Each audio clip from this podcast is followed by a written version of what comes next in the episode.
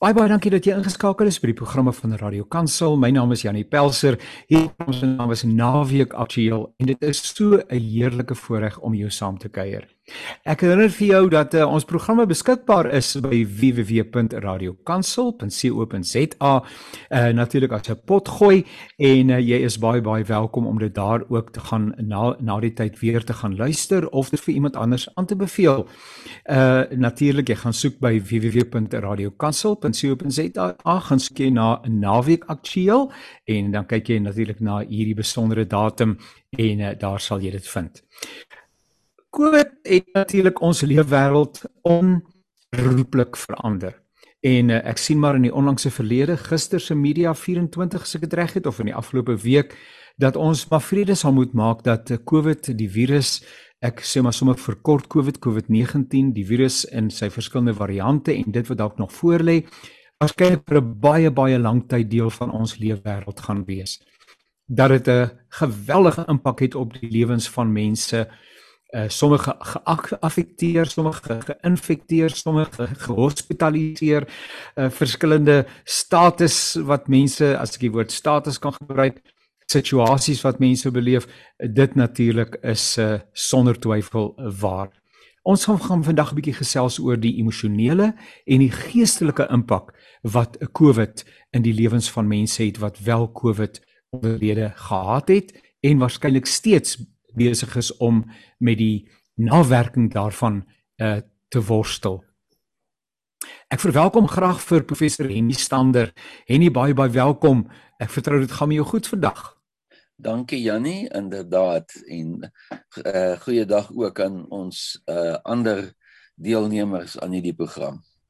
Uh, Henny net so ietsie van jou konteks asseblief. Ons wil daarom dinge verander so vinnig in hierdie wêreld, nê? Nee, die enigste ding wat seker is is verandering. So wat is nuut in jou lewe? Jannie, uh miskien moet ek net sê dan dat ek uh eintlik al vir 3 jaar gelede afgetree het by die Universiteit van Pretoria, maar dat ek elke jaar nog weer aangestel is. So ek is tans uh waarnemende hoof van die departement antieke en moderne tale en kulture by die Universiteit van Pretoria. Ek was ook 'n uh, 'n uh, 'n dominee gewees in 'n uh, gemeente, 'n uh, tentmaker natuurlik net. En uh ja, uh dan het ek self ook COVID gehad so 'n uh, tyd terug. Ek dink dit is hoekom jy my ook genooi het om aan hierdie program deel te neem. Ek was baie siek. Ek was ook um teen 2 weke in die hospitaal. Goed, en ons gaan nou 'n bietjie gesels oor die fisiese impak en dan ook oor die ander fasette daarvan. Kom ons hoor net Dr. Chris Malan, baie welkom. Janie, môre kan jy my hoor? Ons kan vir jou hoor en ons vertrou dit gaan met jou goed vandag. Chris, ietsie van jou konteks asseblief. Ja, dankie Janie. Uh dankie om deel te neem. Ehm um, ja, ek is predikant uh, hier in Kleinmond in die Wes-Kaap, so die laaste amper 4 en 'n half jaar en uh getroud met Minkie, sy's 'n uh, graad 1 onderwyseres hier op die dorp. Dat ons twee uh, volwasse kinders, uh, Lize is 'n onderwyseres in Bethel en dan Christian ons seun is 'n fisioterapeut in Somersuidwes. Ja, en dan is ek ook 'n narratiewe terapeut en opleier en mentor en ja, daaroor is ek passievol. Baie baie dankie Chris, dankie dat ons kan saamkuier. En dan professor Renata Skuman, Renata baie baie welkom. Uh, vertel ons ietsie van jou konteks asseblief. Middag Janie, middag mede gaste en luisteraars. Ek is 'n psigiater in privaat praktyk in Bellville area en ek's ook aan die hoof van gesondheidsorgleierskap MBA by die Universiteit van Stellenbosch Bestuurskool. En waar COVID vir my baie persoonlik raak is natuurlik in my praktyk, maar ook ek is mamma van 'n 16 maande babatjie. So my seentjie is 2 maande prematuur gebore in level 5 lockdown laas jaar met al die komplikasies wat dit teweeggebring het en dit was nogal traumaties. Ek is so dankbaar dat ons saam jou kan kuier Renata en jou program laat nie 'n lang betrokkenheid uh, vandag toe nie omdat jy ander belange het en verantwoordelikhede het. En ek dink as ons dan by jou kan begin terwyl van uh, jou eie konteks. Uh, uh, uh ek wil 'n bietjie hê dat jy vir ons as luisteraars uh en uh belangstellendes uh, 'n bietjie lei rondom uh, daar is die fisiese komponent, daar's die geestelike komponent wanneer mense COVID-19 onderlede het, maar daar's ook die die trauma, die emosionele trauma wat gepaard gaan die onsekerheid, die vrees ensovoorts ensovoorts. Vertel vir ons 'n bietjie hoe speel dit natuurlik een persoon verskil van volgende, maar generies hoe speel dit uit en hoe kan dit uitspeel en hoe lank duur dit voordat daardie trauma uh, wat met COVID te doen gehad het maak het uh jou stelsel uit is asseblief help vir ons. Ja nee, ek dink daar's 'n paar goed wat nou dis 'n siekte wat in evolusie is. Ons verstaan nog min. Ons leer elke dag meer en daar word meer en meer studies gepubliseer om te kyk wat is die effek emosioneel op mense en dan ook fisies. Ek dink wat ons gesien het oor die afgelope jaar en 'n half, aanvanklik met die eerste golf, was mense baie bekommerd en angstig oor die implikasies finansiëel op hulle werk, oor hoe gaan ons van die huis af werk, wat gaan ons met die kinders doen in die skool.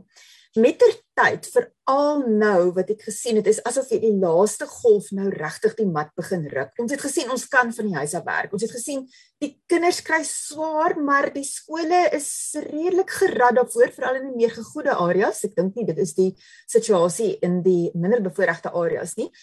Maar op 'n manier is ons redelik resilient. Maar wat ek nou gesien het is dit is closer and closer to home. Meer en meer mense ken iemand wat oorlede is of wat baie siek was of was self nou baie siek. En die ander groot impak wat ons sien is natuurlik al die nonsens wat op ons sosiale media aangaan veral in terme van vaksines en nou die onsekerheid daaroor ook nou en wat die gemeenskap amper in twee begin gesplete raak in terme van die wat pro-vaksines is, die wat teen-vaksines ja. is en ons verloor daai gemeenskapsamehorigheid wat ons laas jaar gehad het, wat ons gevoel het ons is almal in hierdie pandemie saam, ons gaan saam mee deurkom. Ja. Nou, een die fisiese siekte het soos ek dink daar's 'n addisionele vreesfaktor oor dat ons nie genoeg weet nie en twee oor dat die resources so beperk is. Byvoorbeeld sou ek 'n ventilator nodig hê, mag ek dalk nie een kan kry nie. En dan wat die die die gesondheidsdienswerkers veral affekteer is waar ons nou hierdie morele stryd het van wie kry 'n ventilator, wie kry nie. Dit nogal regtig dit is eintlik iets wat jy hoop jy nooit in jou lewe 'n besluit oor hoef te neem nie.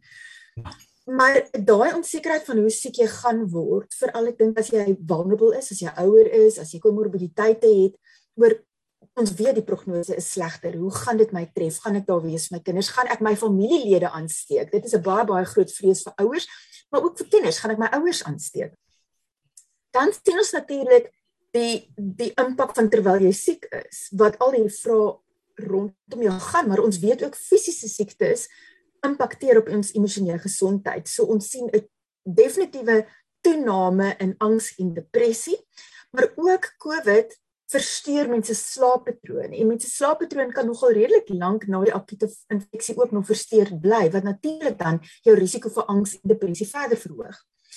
Die meer onlangse bewuswording wat ons nou het is die lang COVID. Met ander woorde mense wie na hulle akute infeksie nog vir maande lank kan sukkel, veral met simptome van kort asemhaling, geweldige moegheid en dan ook die sogenaamde breinvak wat ook beskryf is in ander kroniese mediese toestande of byvoorbeeld in iets soos kankertoestande of net uit uit uitbranding byvoorbeeld.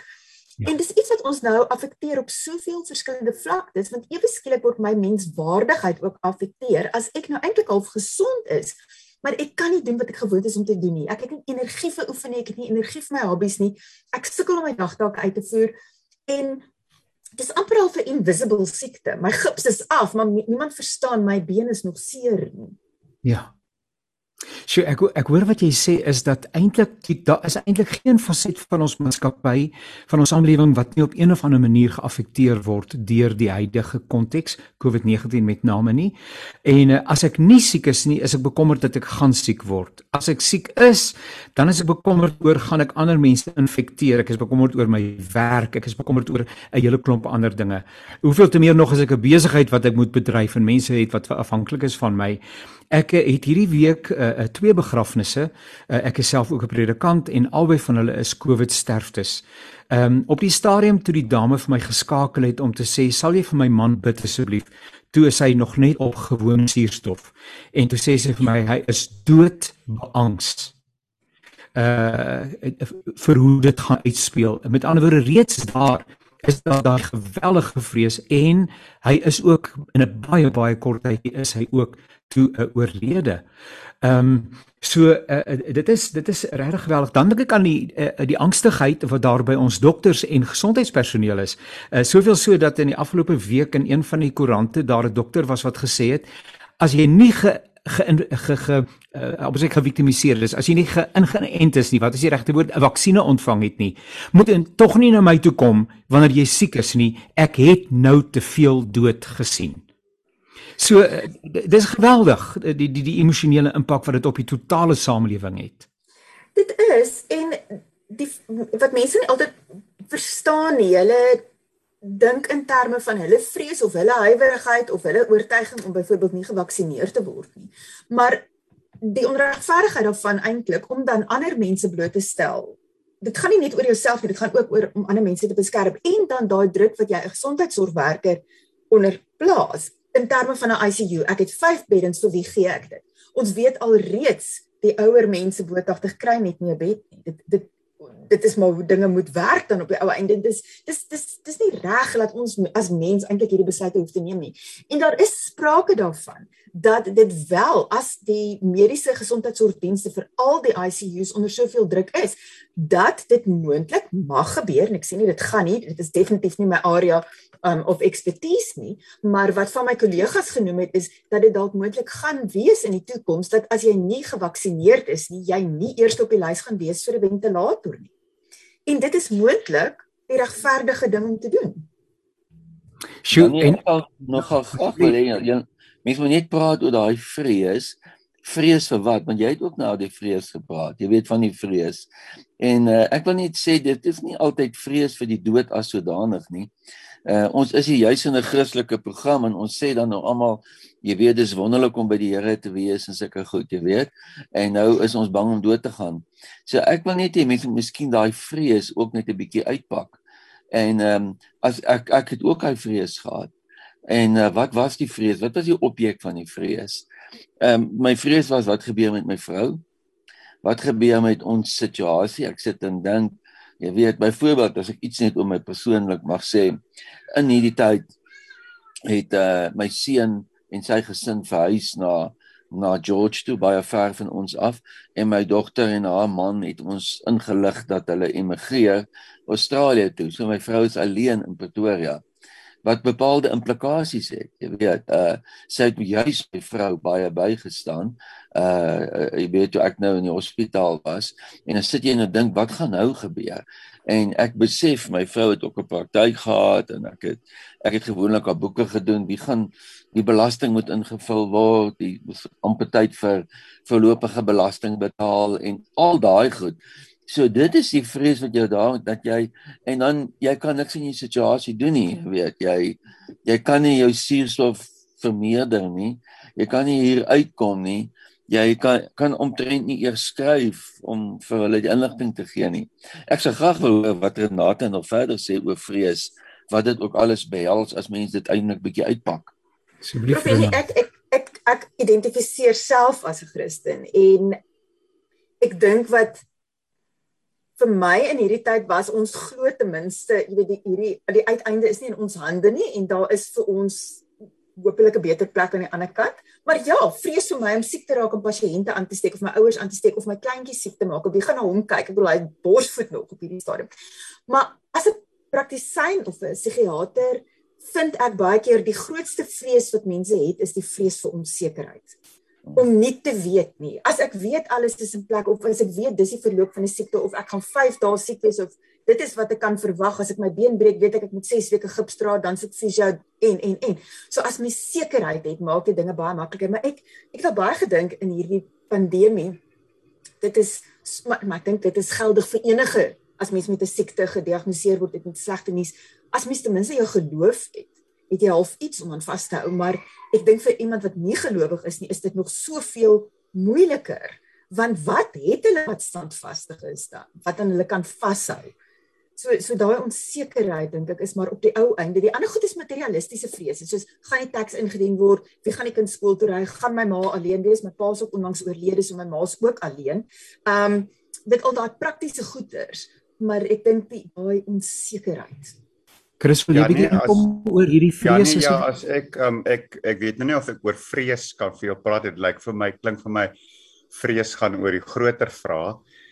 Ehm um, ek wil dalk maar net oor my ervaring van angstigheid, nou miskien praat hy dan van dieselfde ding. Ja, asseblief. Ehm um, vir my was angs uh, amper elke dag se ervaring terwyl ek siek was. Ehm um, ek was in totaal 79 dae gehospitaliseer. Ehm um, tussen die uh, na die intubasie het ek hartaanval gekry en toe nog die uh, my regter long het ook plat geval. Ehm um, so die angstigheid uh van gaan 'n volgende uh, bad sessie so pynlik wees vanweë die dreineringspype gaan gaan daar weer 'n ventilatorpyp geskei word dat my longe moet gesuig word die angs vir pyn so as ek nou maar net daai insidente kan noem dit was deel van my elke dag gewees net die angs vir pyn die angs vir die onbekende soos Renata sê maar die angs op die oomblik ek is nou 4 maande in herstel, 4 maande by die huis. Ehm um, en ek het baie mooi gevorder. Ek soos soos ek het 'n rolstoel huis toe gekom. Ek kon nie beweeg nie en nou stap ek sonder ondersteuning. So dit is fantasties. Maar nou vir 2 weke het ek 'n plateau bereik.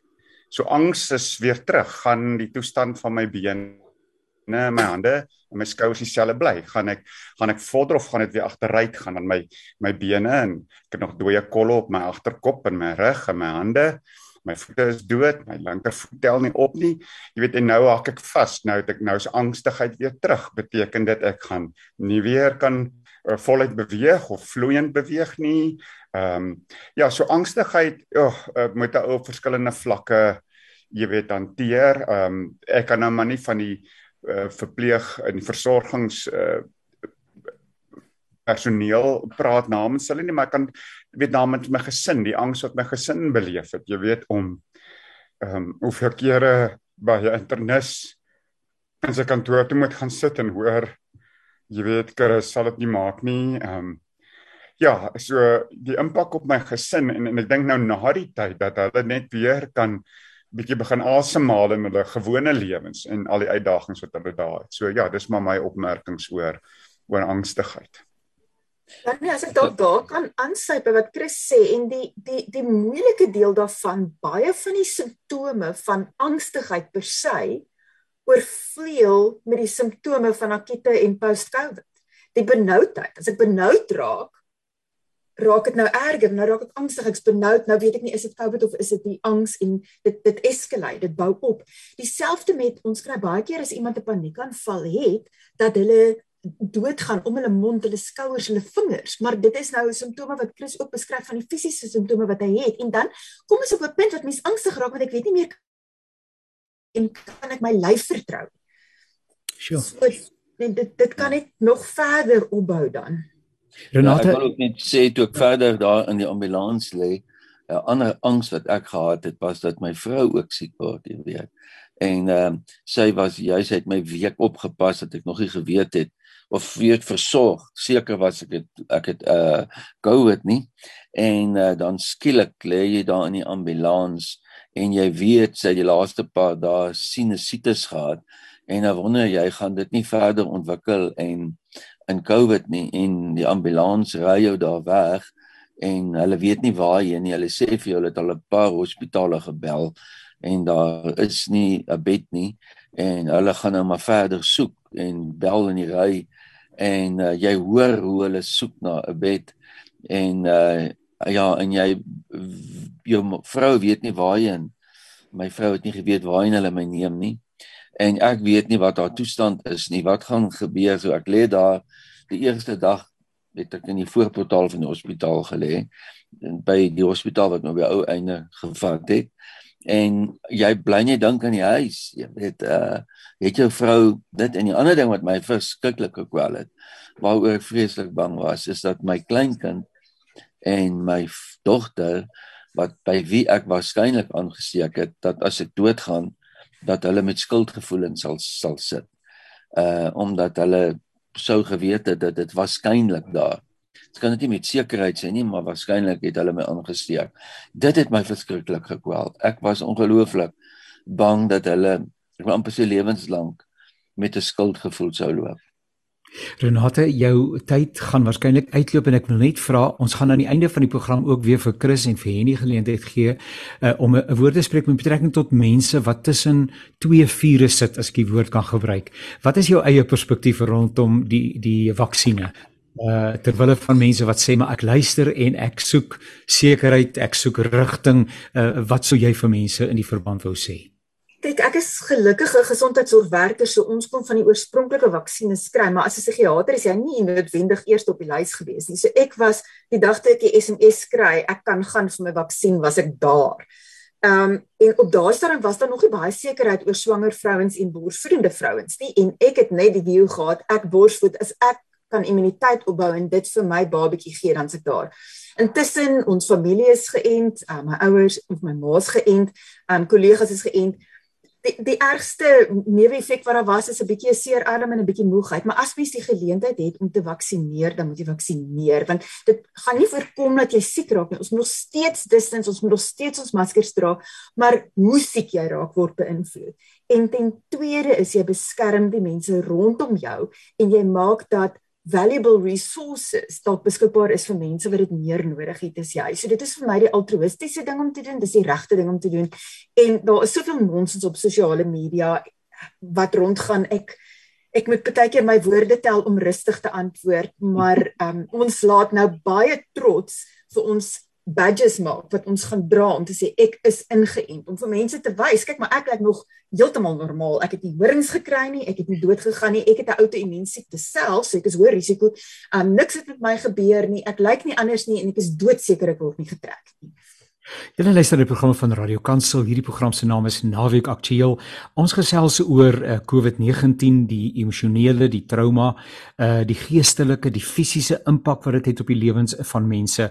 Saam met ons gesels professor Henny Stander, Dr. Chris Malan en uh, professor Renata Skuman. En dit is 'n heerlike voorreg ook om na haar te luister. Uh, sy moet iewers vertrek en ons ver, verskoon haar en sê vir haar baie dankie, maar uh, daar gaan sy ook dan nou baie baie dankie Renata. Dit was 'n heerlike voorreg om jou as deel uh, van ons gesprek te hê.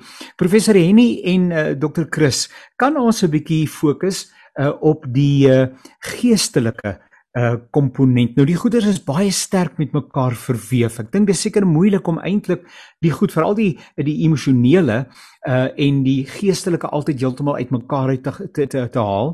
Maar maar wat het in u harte geleef in terme van ehm um, waar God by hierdie groter prentjie inpas. Ehm um, ek sou baie graag wil hoor en dankie dat ons uh, ek dink dit is so belangrik. Uh, ek dink daar is soveel swak teologie wat uh, veronderstel dat as jy 'n kind van die Here is dan uh, dan dan is alles uitgewerk. Ek bedoel dit is so eenvoudig soos wat 2 + 2 4 is en daar is by jou geen worsteling van sprake nie en as daar worsteling sou wees dan reflekteer dit op die kwaliteit van jou kristendom. Ek wonder maar net hoe dit in u eie lewens uitgespeel het. Ehm um, kan ek maar vra, Henny, sal jy begin asseblief? Ja, Janie, in um, eerste plek uh, wil ek sê 'n mens, uh, jy weet, 'n mens dan dink as jy siek is dat jy nou nog baie tyd het uh om uh, jy weet sê maar te bid of so, om met God te praat. Maar nou wil ek ook sê mense moet onthou jy siek, né? Nee? So uh, ek bedoel jy kry 'n handvol pille en hulle het hierso 3 4 druppe wat hulle hier in jou uh, uh laat afgaan en so jy uh, jy weet jy's omtrent so amper nie sê in 'n koma nie maar uh, jy's nie heeltemal by nie en jy sluk dit en jy skrik jy's 3 ure wakker wat jy so half bykom en ehm um, so dit is nie so ek meen ek kan baie geestelik klink en sê ek het daar op my bed gelê en uh en ek het met die Here gepraat maar dit is nie so maklik nie uh, omdat jy word sommer net weer weg, jy weet. Ehm uh, natuurlik ek wil sê toe ek in die die ergste moment vir my was net toe ek in die ambulans ingelaai is. Jannie, dit was vir my die ergste moment van die hele storie. En ek kan vir jou sê en ja, net voor ek want ek sal nou uitkom by jou vraag dan. Ek wil net sê ek en my vrou is 48 jaar ken ons mekaar. En toe ek daar ehm um, jy weet in die ambulans ingelaai word en ek sien sy staan daar op die trappie van ons huis kon ek nie help om te dink waar ek haar gesien het toe ek haar ontmoet het 48 jaar terug in die koshuis in die voorportaal nie en ek het ja. net die hele tyd gedink Here is dit nou die einde ja, het ek nou die einde sommer net so dit is so onseremonieel so ek het in die ambulans gelê en ek het almekaar net gesê Here is dit reg dat 'n 48 jaar verhouding so onseremonieel eindig. Net so. Ons ja, ek ja. stap verby haar en ek gaan in want ek het gedog dit is die einde die laaste keer dat ek haar sien. Ek het geweet 'n mens mag nie in die hospitaal COVID pasiënte besoek nie. Sy weet nie eens na watter hospitaal ek gaan nie. Ja. En ja. ehm ja. Um, ja, so dit wat ek en dan dan ges, jy weet dink jy daaroor na en dan dink ek maar God is ook nie onregverdig dat dit met my gebeur nie. Baie ander mense se verhouding na 48 jaar of na 30 jaar kom onseremonieel tot 'n einde in 'n motorongeluk of in 'n rooftog waar iemand geskiet word. So dit was die eerste goed wat deur my wat deur my kop gegaan het. Ehm um, ja nee, dan wil ek sê 'n ander teks wat ek net moet aanhaal. Psalm 31 vers 15. My tye is in u hande interpreteer ek nie soos wat Christene dit interpreteer nie.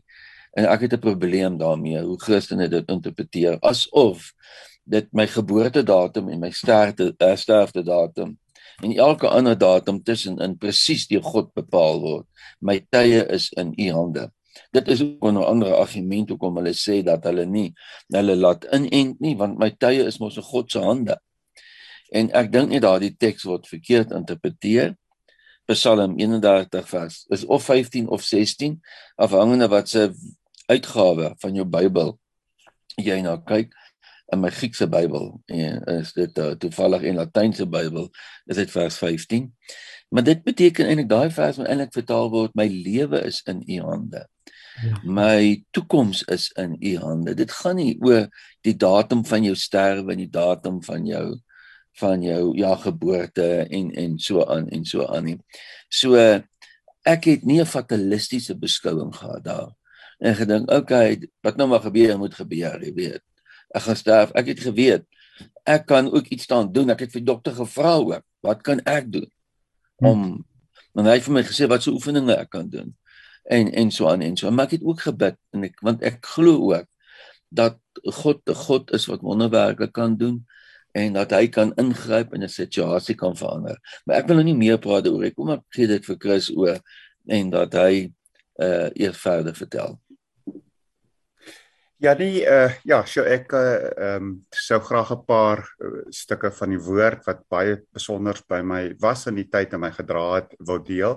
Ek wil tog net wegspring ehm um, die gebede van gelowiges was in die tyd vir ons baie baie baie kosbaar. Die hmm. bewustheid dat soveel vriende en medegelowiges vir my en vir my gesin gebid het. Ek het letterlik uh, die prentjie, die visie gehad dat dit 'n groot dat die gebede van die gelowiges het God se hand opgemaak, amper soos pixels 'n klein 'n prentjie opmaak. Het die gebede die pixels van God se hand gemaak wat oor my lewe was en my lewe gered het. Ehm um, glo my vry, almal praat van dag 10 of dag 11, ek sou sterf. Janie, ek weet dit in my gemoed dat as hulle my nie uh, geïndiseer het in 'n koma dat ek sou sterf op my seun se troudag. Ehm um, daarna het erge spieratrofie ingetree omdat ek weke moes lê voordat hulle iets aan die long kon doen om my regter long te konstrueer en skoon te maak en na die hartaanval nie so ek het absoluut net verval my my my liggaam met my spiere verteer. Ja. Uh, so ja. toe hulle my oorplaas vergeleeg en toe kon ek glad nie beweeg. Ek kon geen deel van my liggaam beweeg nie. Ehm um, so toe ek in 'n uh, vergeleeging was, was ek natuurlik baie meer bewus van my omgewing en myself en ja, soos jy nie sê van die dele in Hermanus week aan 1, ek was in halusinasie in en uit en in die koma 2 weke en daarna uit. Ehm um, so ek was niks bewus van, maar in vergeleeging baie meer bewus en daar reg ook met die Here begin worstel. So ja, soos jy nie tereg sê mense sal altyd hierdie mooi Christen en gelowige antwoorde hê, maar ek het geworstel met die Here. Ek is 55 jaar oud ek is ook darmal deur die meel van die lewe en ek het nie verstaan waarom die Here hierdie skrikkelike ding oor 'n menselewe bring of toelaat nie. Ja. Ehm um, ek het al gelê en gewonder of ek ooit weer sou kan beweeg. Uh, enige funksie vir myself sou kon uitvoer. Ehm um, intussen weet ek vriende en gelowiges bid in tennis vir herstel en dat my lewe op 'n plek sal kom waar dit nie meer krities is en dat ek veilig kan wees. Ja. En dan begin jy net worstel en ek het 'n baie ek 'n mentjie te baie kosbare vriendin wat 'n uh, 'n uh, paar jaar terug haar man verloor het en sy sê vir ons maar ons het net so intens gebid vir haar man, waarom het die Here hom nie gespaar nie? So dis die tipe vrae waarmee 'n mens self gekonfronteer word in hierdie tyd. Ja, ja. En Psalm 23, ja, kom net toe onder andere weer na my toe. Jy weet, Here, ek kom niks kort nie, maar ek lê daar en alles kom kort. Alles is weg en is gestroop van alles en jy wonder wat is gaan my toekoms my dae ook maar net gestroop wees van waardigheid en bewustheid en weet my my mind is nie foggy nie en my liggaam kan beweeg. Ehm um, um, en waaroor gaan hierdie beproewing? Ja. En natuurlik dan weet uh, daai dal van doodskade wie na die tyd kom kyk na die oorspronklike tekste wat beteken ek kom niks kort nie en dit beteken plein jy kom niks kort en ek sê maar Here ek kom alles kort. en dan sê die ja. Psalm tog ja maar hy vat my na waters waar daar rus is en hy vat my na groen weivelde en ek weet dit en het daar in daai starre kliniese hospitaalbed het dit vir my gedoen. Ja. Ehm um, ek min personeel kom raak jy nie aan nie hulle hulle trek moon suits aan. Hulle trap oor 'n rooi lyn. Hulle mag nie by my kom as ek in isolasie is nie. Hulle stap verby en stel masjiene en soos jy net sê drips en alles en dan stap hulle weg en ek wens ek smag en verlang so na 'n menslike aanraking dat ek nog mens is. Ja. Ja. En so daai daal wat soos hy skadu oor jou gooi. Hm en en dan worstel ek te gelyk met Johannes 11 eh, waar waar Martha en Maria vir die Here sê as jy maar vroeër opgedaag en dan sê die Here maar het ek jou gesê as jy glo dan gaan jy my heerlikheid sien en dan wonder ou waar in al hierdie verdriet? En waar in hierdie beproewing gaan jy se heerlikheid sien? Nou kan ek sê ja Here die Here het my kom gryp net voor ek dwars deur eh, in die dood instap of dan ewige heerlikheid instap. Het hy my kom gryp maar wat antwoord ek vir my vriendin? En hier's my hier's my my gedagte wat ek daar gelê het. Janie is Jesaja 53.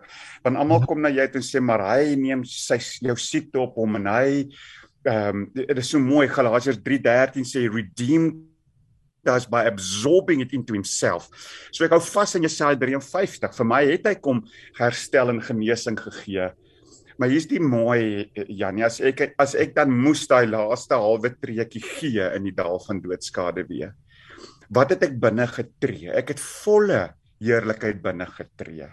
Uh ek het tog nie 'n halwe heerlikheid tree ek in ewigheid in nie, 'n volle heerlikheid. Met ander woorde as Openbaringe sê daar is nie sonde nie, daar is nie trane nie, daar is nie dood nie. Dan meen dit tog Jesus het alles in hom geabsorbeer wel Jesaja 53. So wat gaan ek binne stap? Ek gaan 'n volle heerlikheid binne gestap. En kon ek vir my vriendin sê dat haar man is in volle heerlikheid ingestap by die Here. My herstel is maar heerlikheid ten dele. Ek loof en eer die Here vir my herstel dat ek bietjie kan beweeg, dat ek kan self tandeborsel en stort. Maar dis net 'n heerlikheid ten dele. Ek smag na daai heerlikheid ten volle. So ja nee ja, dit was 'n perspektief rondom beproewing, rondom dit wat oorgebly het in my lewe en eh, so ek ek het vreugde oor oor dit wat die Here vir my hier gedoen het en ek hunker na 'n volle heerlikheid wat vir my wag. En nie as ons so luister na Chris, hoe het hierdie ervaring jou eie teologiese raamwerk en verstaan bevraagteken versterk in 'n ander konteks geplaas. Ek dink nou maar ehm um, ons almal uh, dink ek worstel maar met die Here op 'n manier. Uh, en dan is dit asof jy uh, en ek hoor dit by Chris, hy het nie die woorde gebruik nie, maar as ek self dink, dan sê ek Here, die teks troos, die teks troos nie. Dit help, dit help ook nie. Dis oukei, okay, maar dis ook nie genoeg nie. Ehm um, hoekom het ek hierdie gevoel van onbevredigdheid en ja, ek ek kan dit eintlik nie onder woorde bring nie en hoe hoeveel te meer julle wat self die pad gestap het.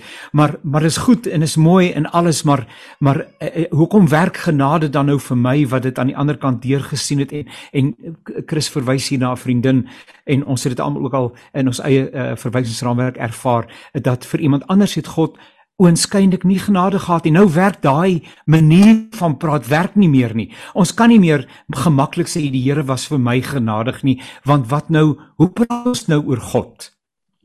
Ja nee ja, ek wou ook sê ek het baie waardering vir alles wat Christus sê en hy het dit so pragtig verwoord ook.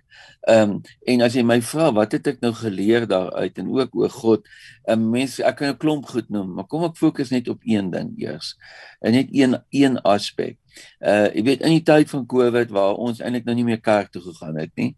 Uh omdat jy net maar sommer by die huis, jy kan sommer eintlik op die bed lê en jy op 'n Sondagoggend en jy rekenaar aan sit en jy kies 'n diens en jy lê net maar net daar en kyk na die diens en wat ook al dit het godsdiens baie amper kan dit 'n individuele godsdiens word waar jy vergeet dat jy deel is van 'n gesin, gedeel is van 'n familie.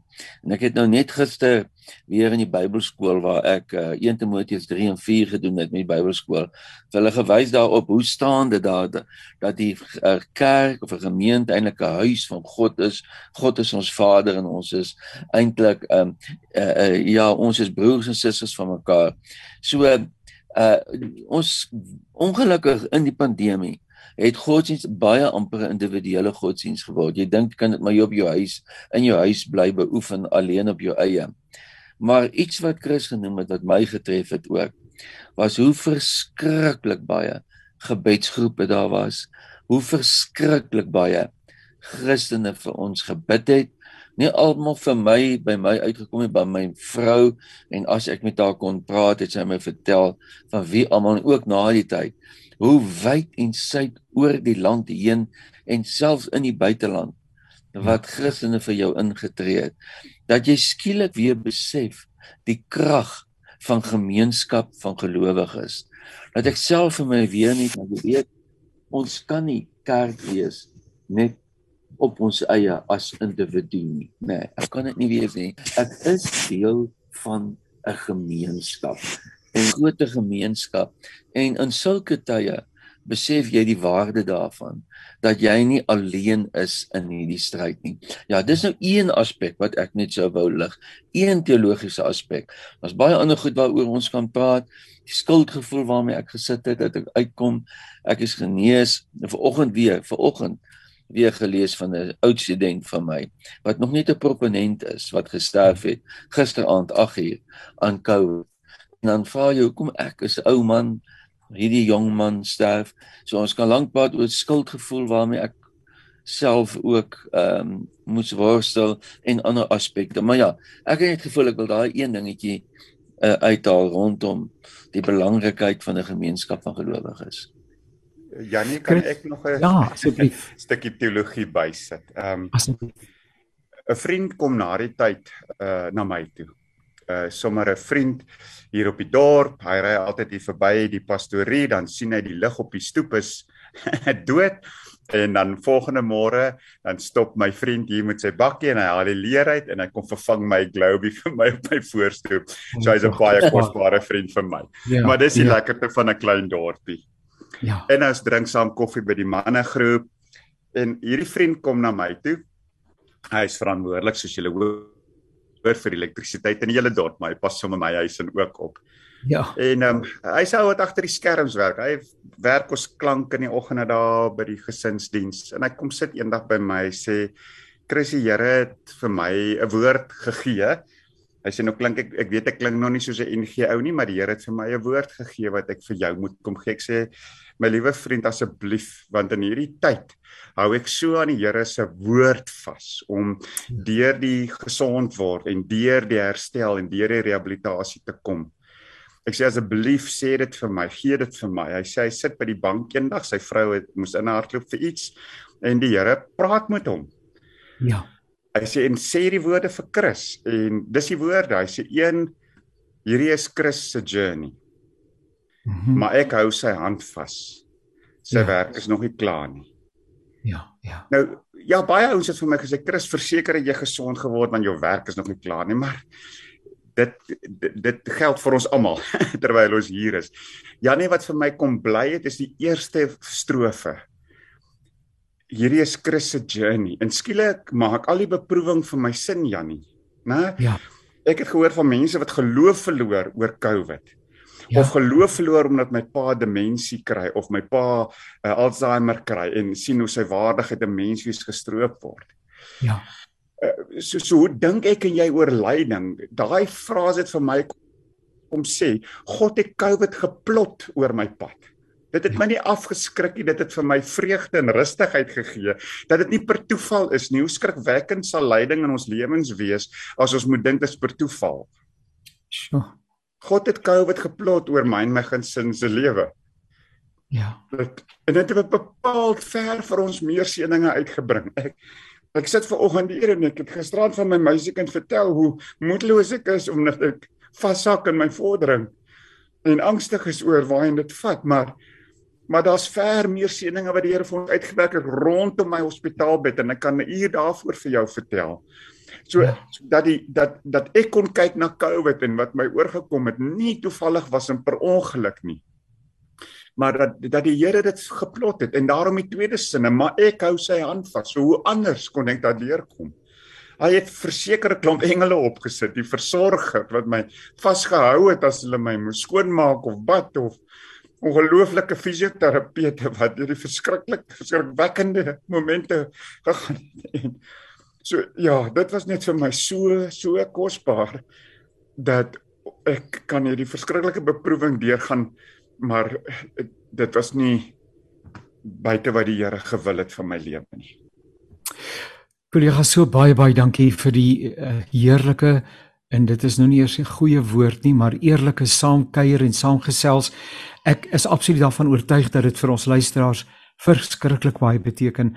Ek sou tog wou hê ook in die lig van dit wat eh uh, Ronaldo deel het, ehm um, dat jy dalk uh, vanuit hierdie ervaring uh en daar is baie mense ons lees dit elke dag in die media ehm um, dat daar mense is wat steeds huiwer. Daar is natuurlik kwaadwilligheid en moedswilligheid uh, by sommige mense. Ons praat nie daarvan nie. Ons praat van mense wat eg worstel met is dit die verantwoordelike ding om te doen al dan nie. Ehm um, ek, ek wil net tussen hakies sê die hartseer vir my is ons het sy delings daarna verwys is dat binne gesinsverband en familieverband en vriendskapsverband daar nou groepe ontstaan en verdeeldheid kom.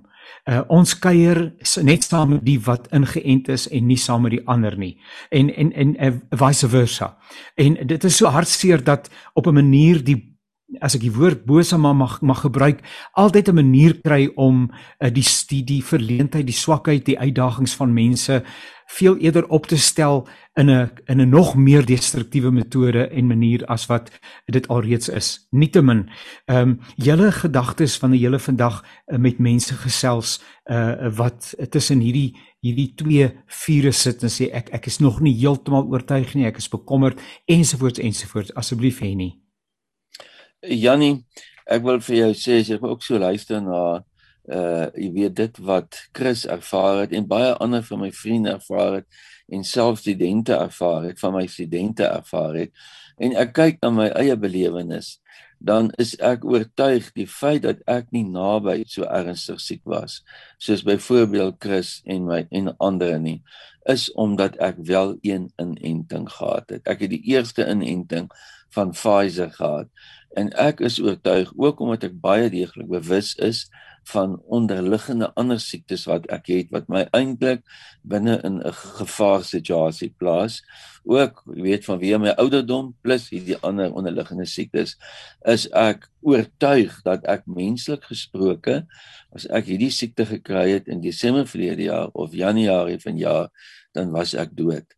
Die feit dat ek dit gekry het 'n um, bietjie meer as 'n maand nadat ek my eerste Pfizer inenting gekry het, is ek oor en ek het ook 'n ander inspuiting gehad vir my longe in Januarie wat uh, my vrou my um, geneem het na die dokter toe.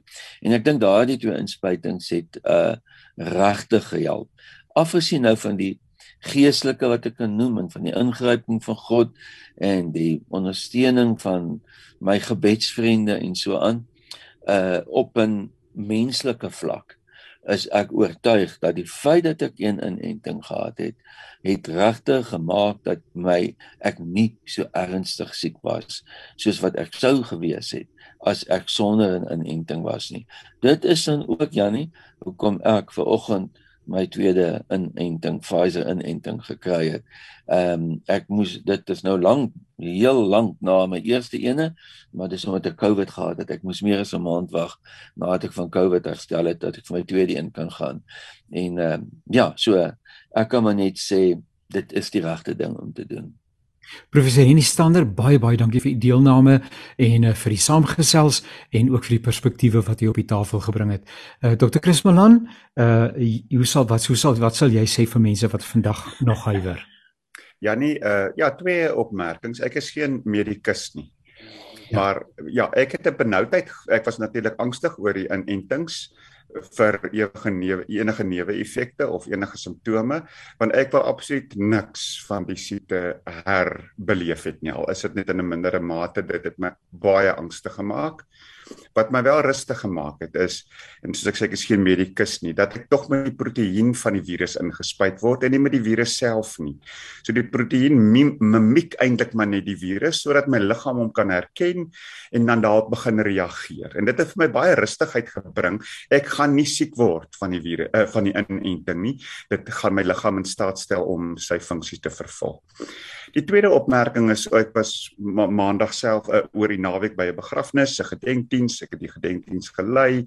Na die tyd was daar 'n uh, bietjie verversings aan huis bedien en 'n uh, en 'n uh, en 'n vriendin kom sit by ons sonder haar masker en ons neem eenvoudig ek en my vrou neem aan dat sy ingeënt is omdat sy so gemaklik is om by ons te kom sit te gesels sonder haar masker en toe noem sy dat sy nie ingeënt is nie. En dadelik is daar angstigheid by ons want wat beskerm my? Om ja. dan nie weer blootgestel te word nie. So daai illusie dat dit is tussen vriende, tussen familie, so dis onskuldig, dis minder gevaarlik. Geliefdes asseblief. dis dan nou juist die gevaarlikste plek en waar as die minste versigtig is. So dit wat Renata net nou gesê het, ek wil net nooit die gedagte het ek was verantwoordelik dat iemand siek geword het. Nou ja, ou kan dra en oordra sonder dat jy bewus is. Ek sou graag nie die skuldgevoel wou dra dat ek bewustelik onverantwoordelik opgetree het en iemand uh, hierdie siekte laat oorkom nie. So ja, nee, ek sou graag mense wil aanmoedig um, om binne daai verantwoordelikheid op te tree. Dit is sekerlik op die op die bottom line die mooiste gebaar van naaste liefde. Dr. Chris Malan en baie baie dankie vir u deelname. Groot waardering daarvoor. Liewe luisteraars, dit was heerlik om te kuier en saam te gesels. Ons sê dankie aan ons gespreksgenote. Ek herinner net dat hierdie uh, opname of dan hierdie spesifieke uh, program beskikbaar is as 'n potgooi by www.radiokansel.co.za. Uh, jy gaan net daar na Navigasie Aktueel en dan kan jy dit daar weer 'n keer gaan luister of miskien aanstuur. Ek dink uh, of vir mense aanbeveel om daarna te luister. Dit is tog baie baie waardevol. Ook ons uh, aktualiteitsprogram op 'n Woensdag perspektief. Uh, ons gesels oor belangrike dinge die afgelope week gesels oor Suid-Afrika, is Suid-Afrika 'n mislukte staat al dan nie? Baie betekenisvolle gesprek. Jy kan gerus ook die potgooi gaan luister by dieselfde adres en jy gaan soek perspektief verlede Woensdag se datum en uh, uh daar sal jy dan ook daardie uh, gegevens weer 'n keer kry. Sien mense, mag dit met jou goed gaan. Pas jou baie mooi op, bly gesond, neem verantwoordelikheid soos wat ons gespreksgenote ook gesê het. En nogmals baie dankie vir die saamgesels tot 'n volgende keer alles wat mooi is.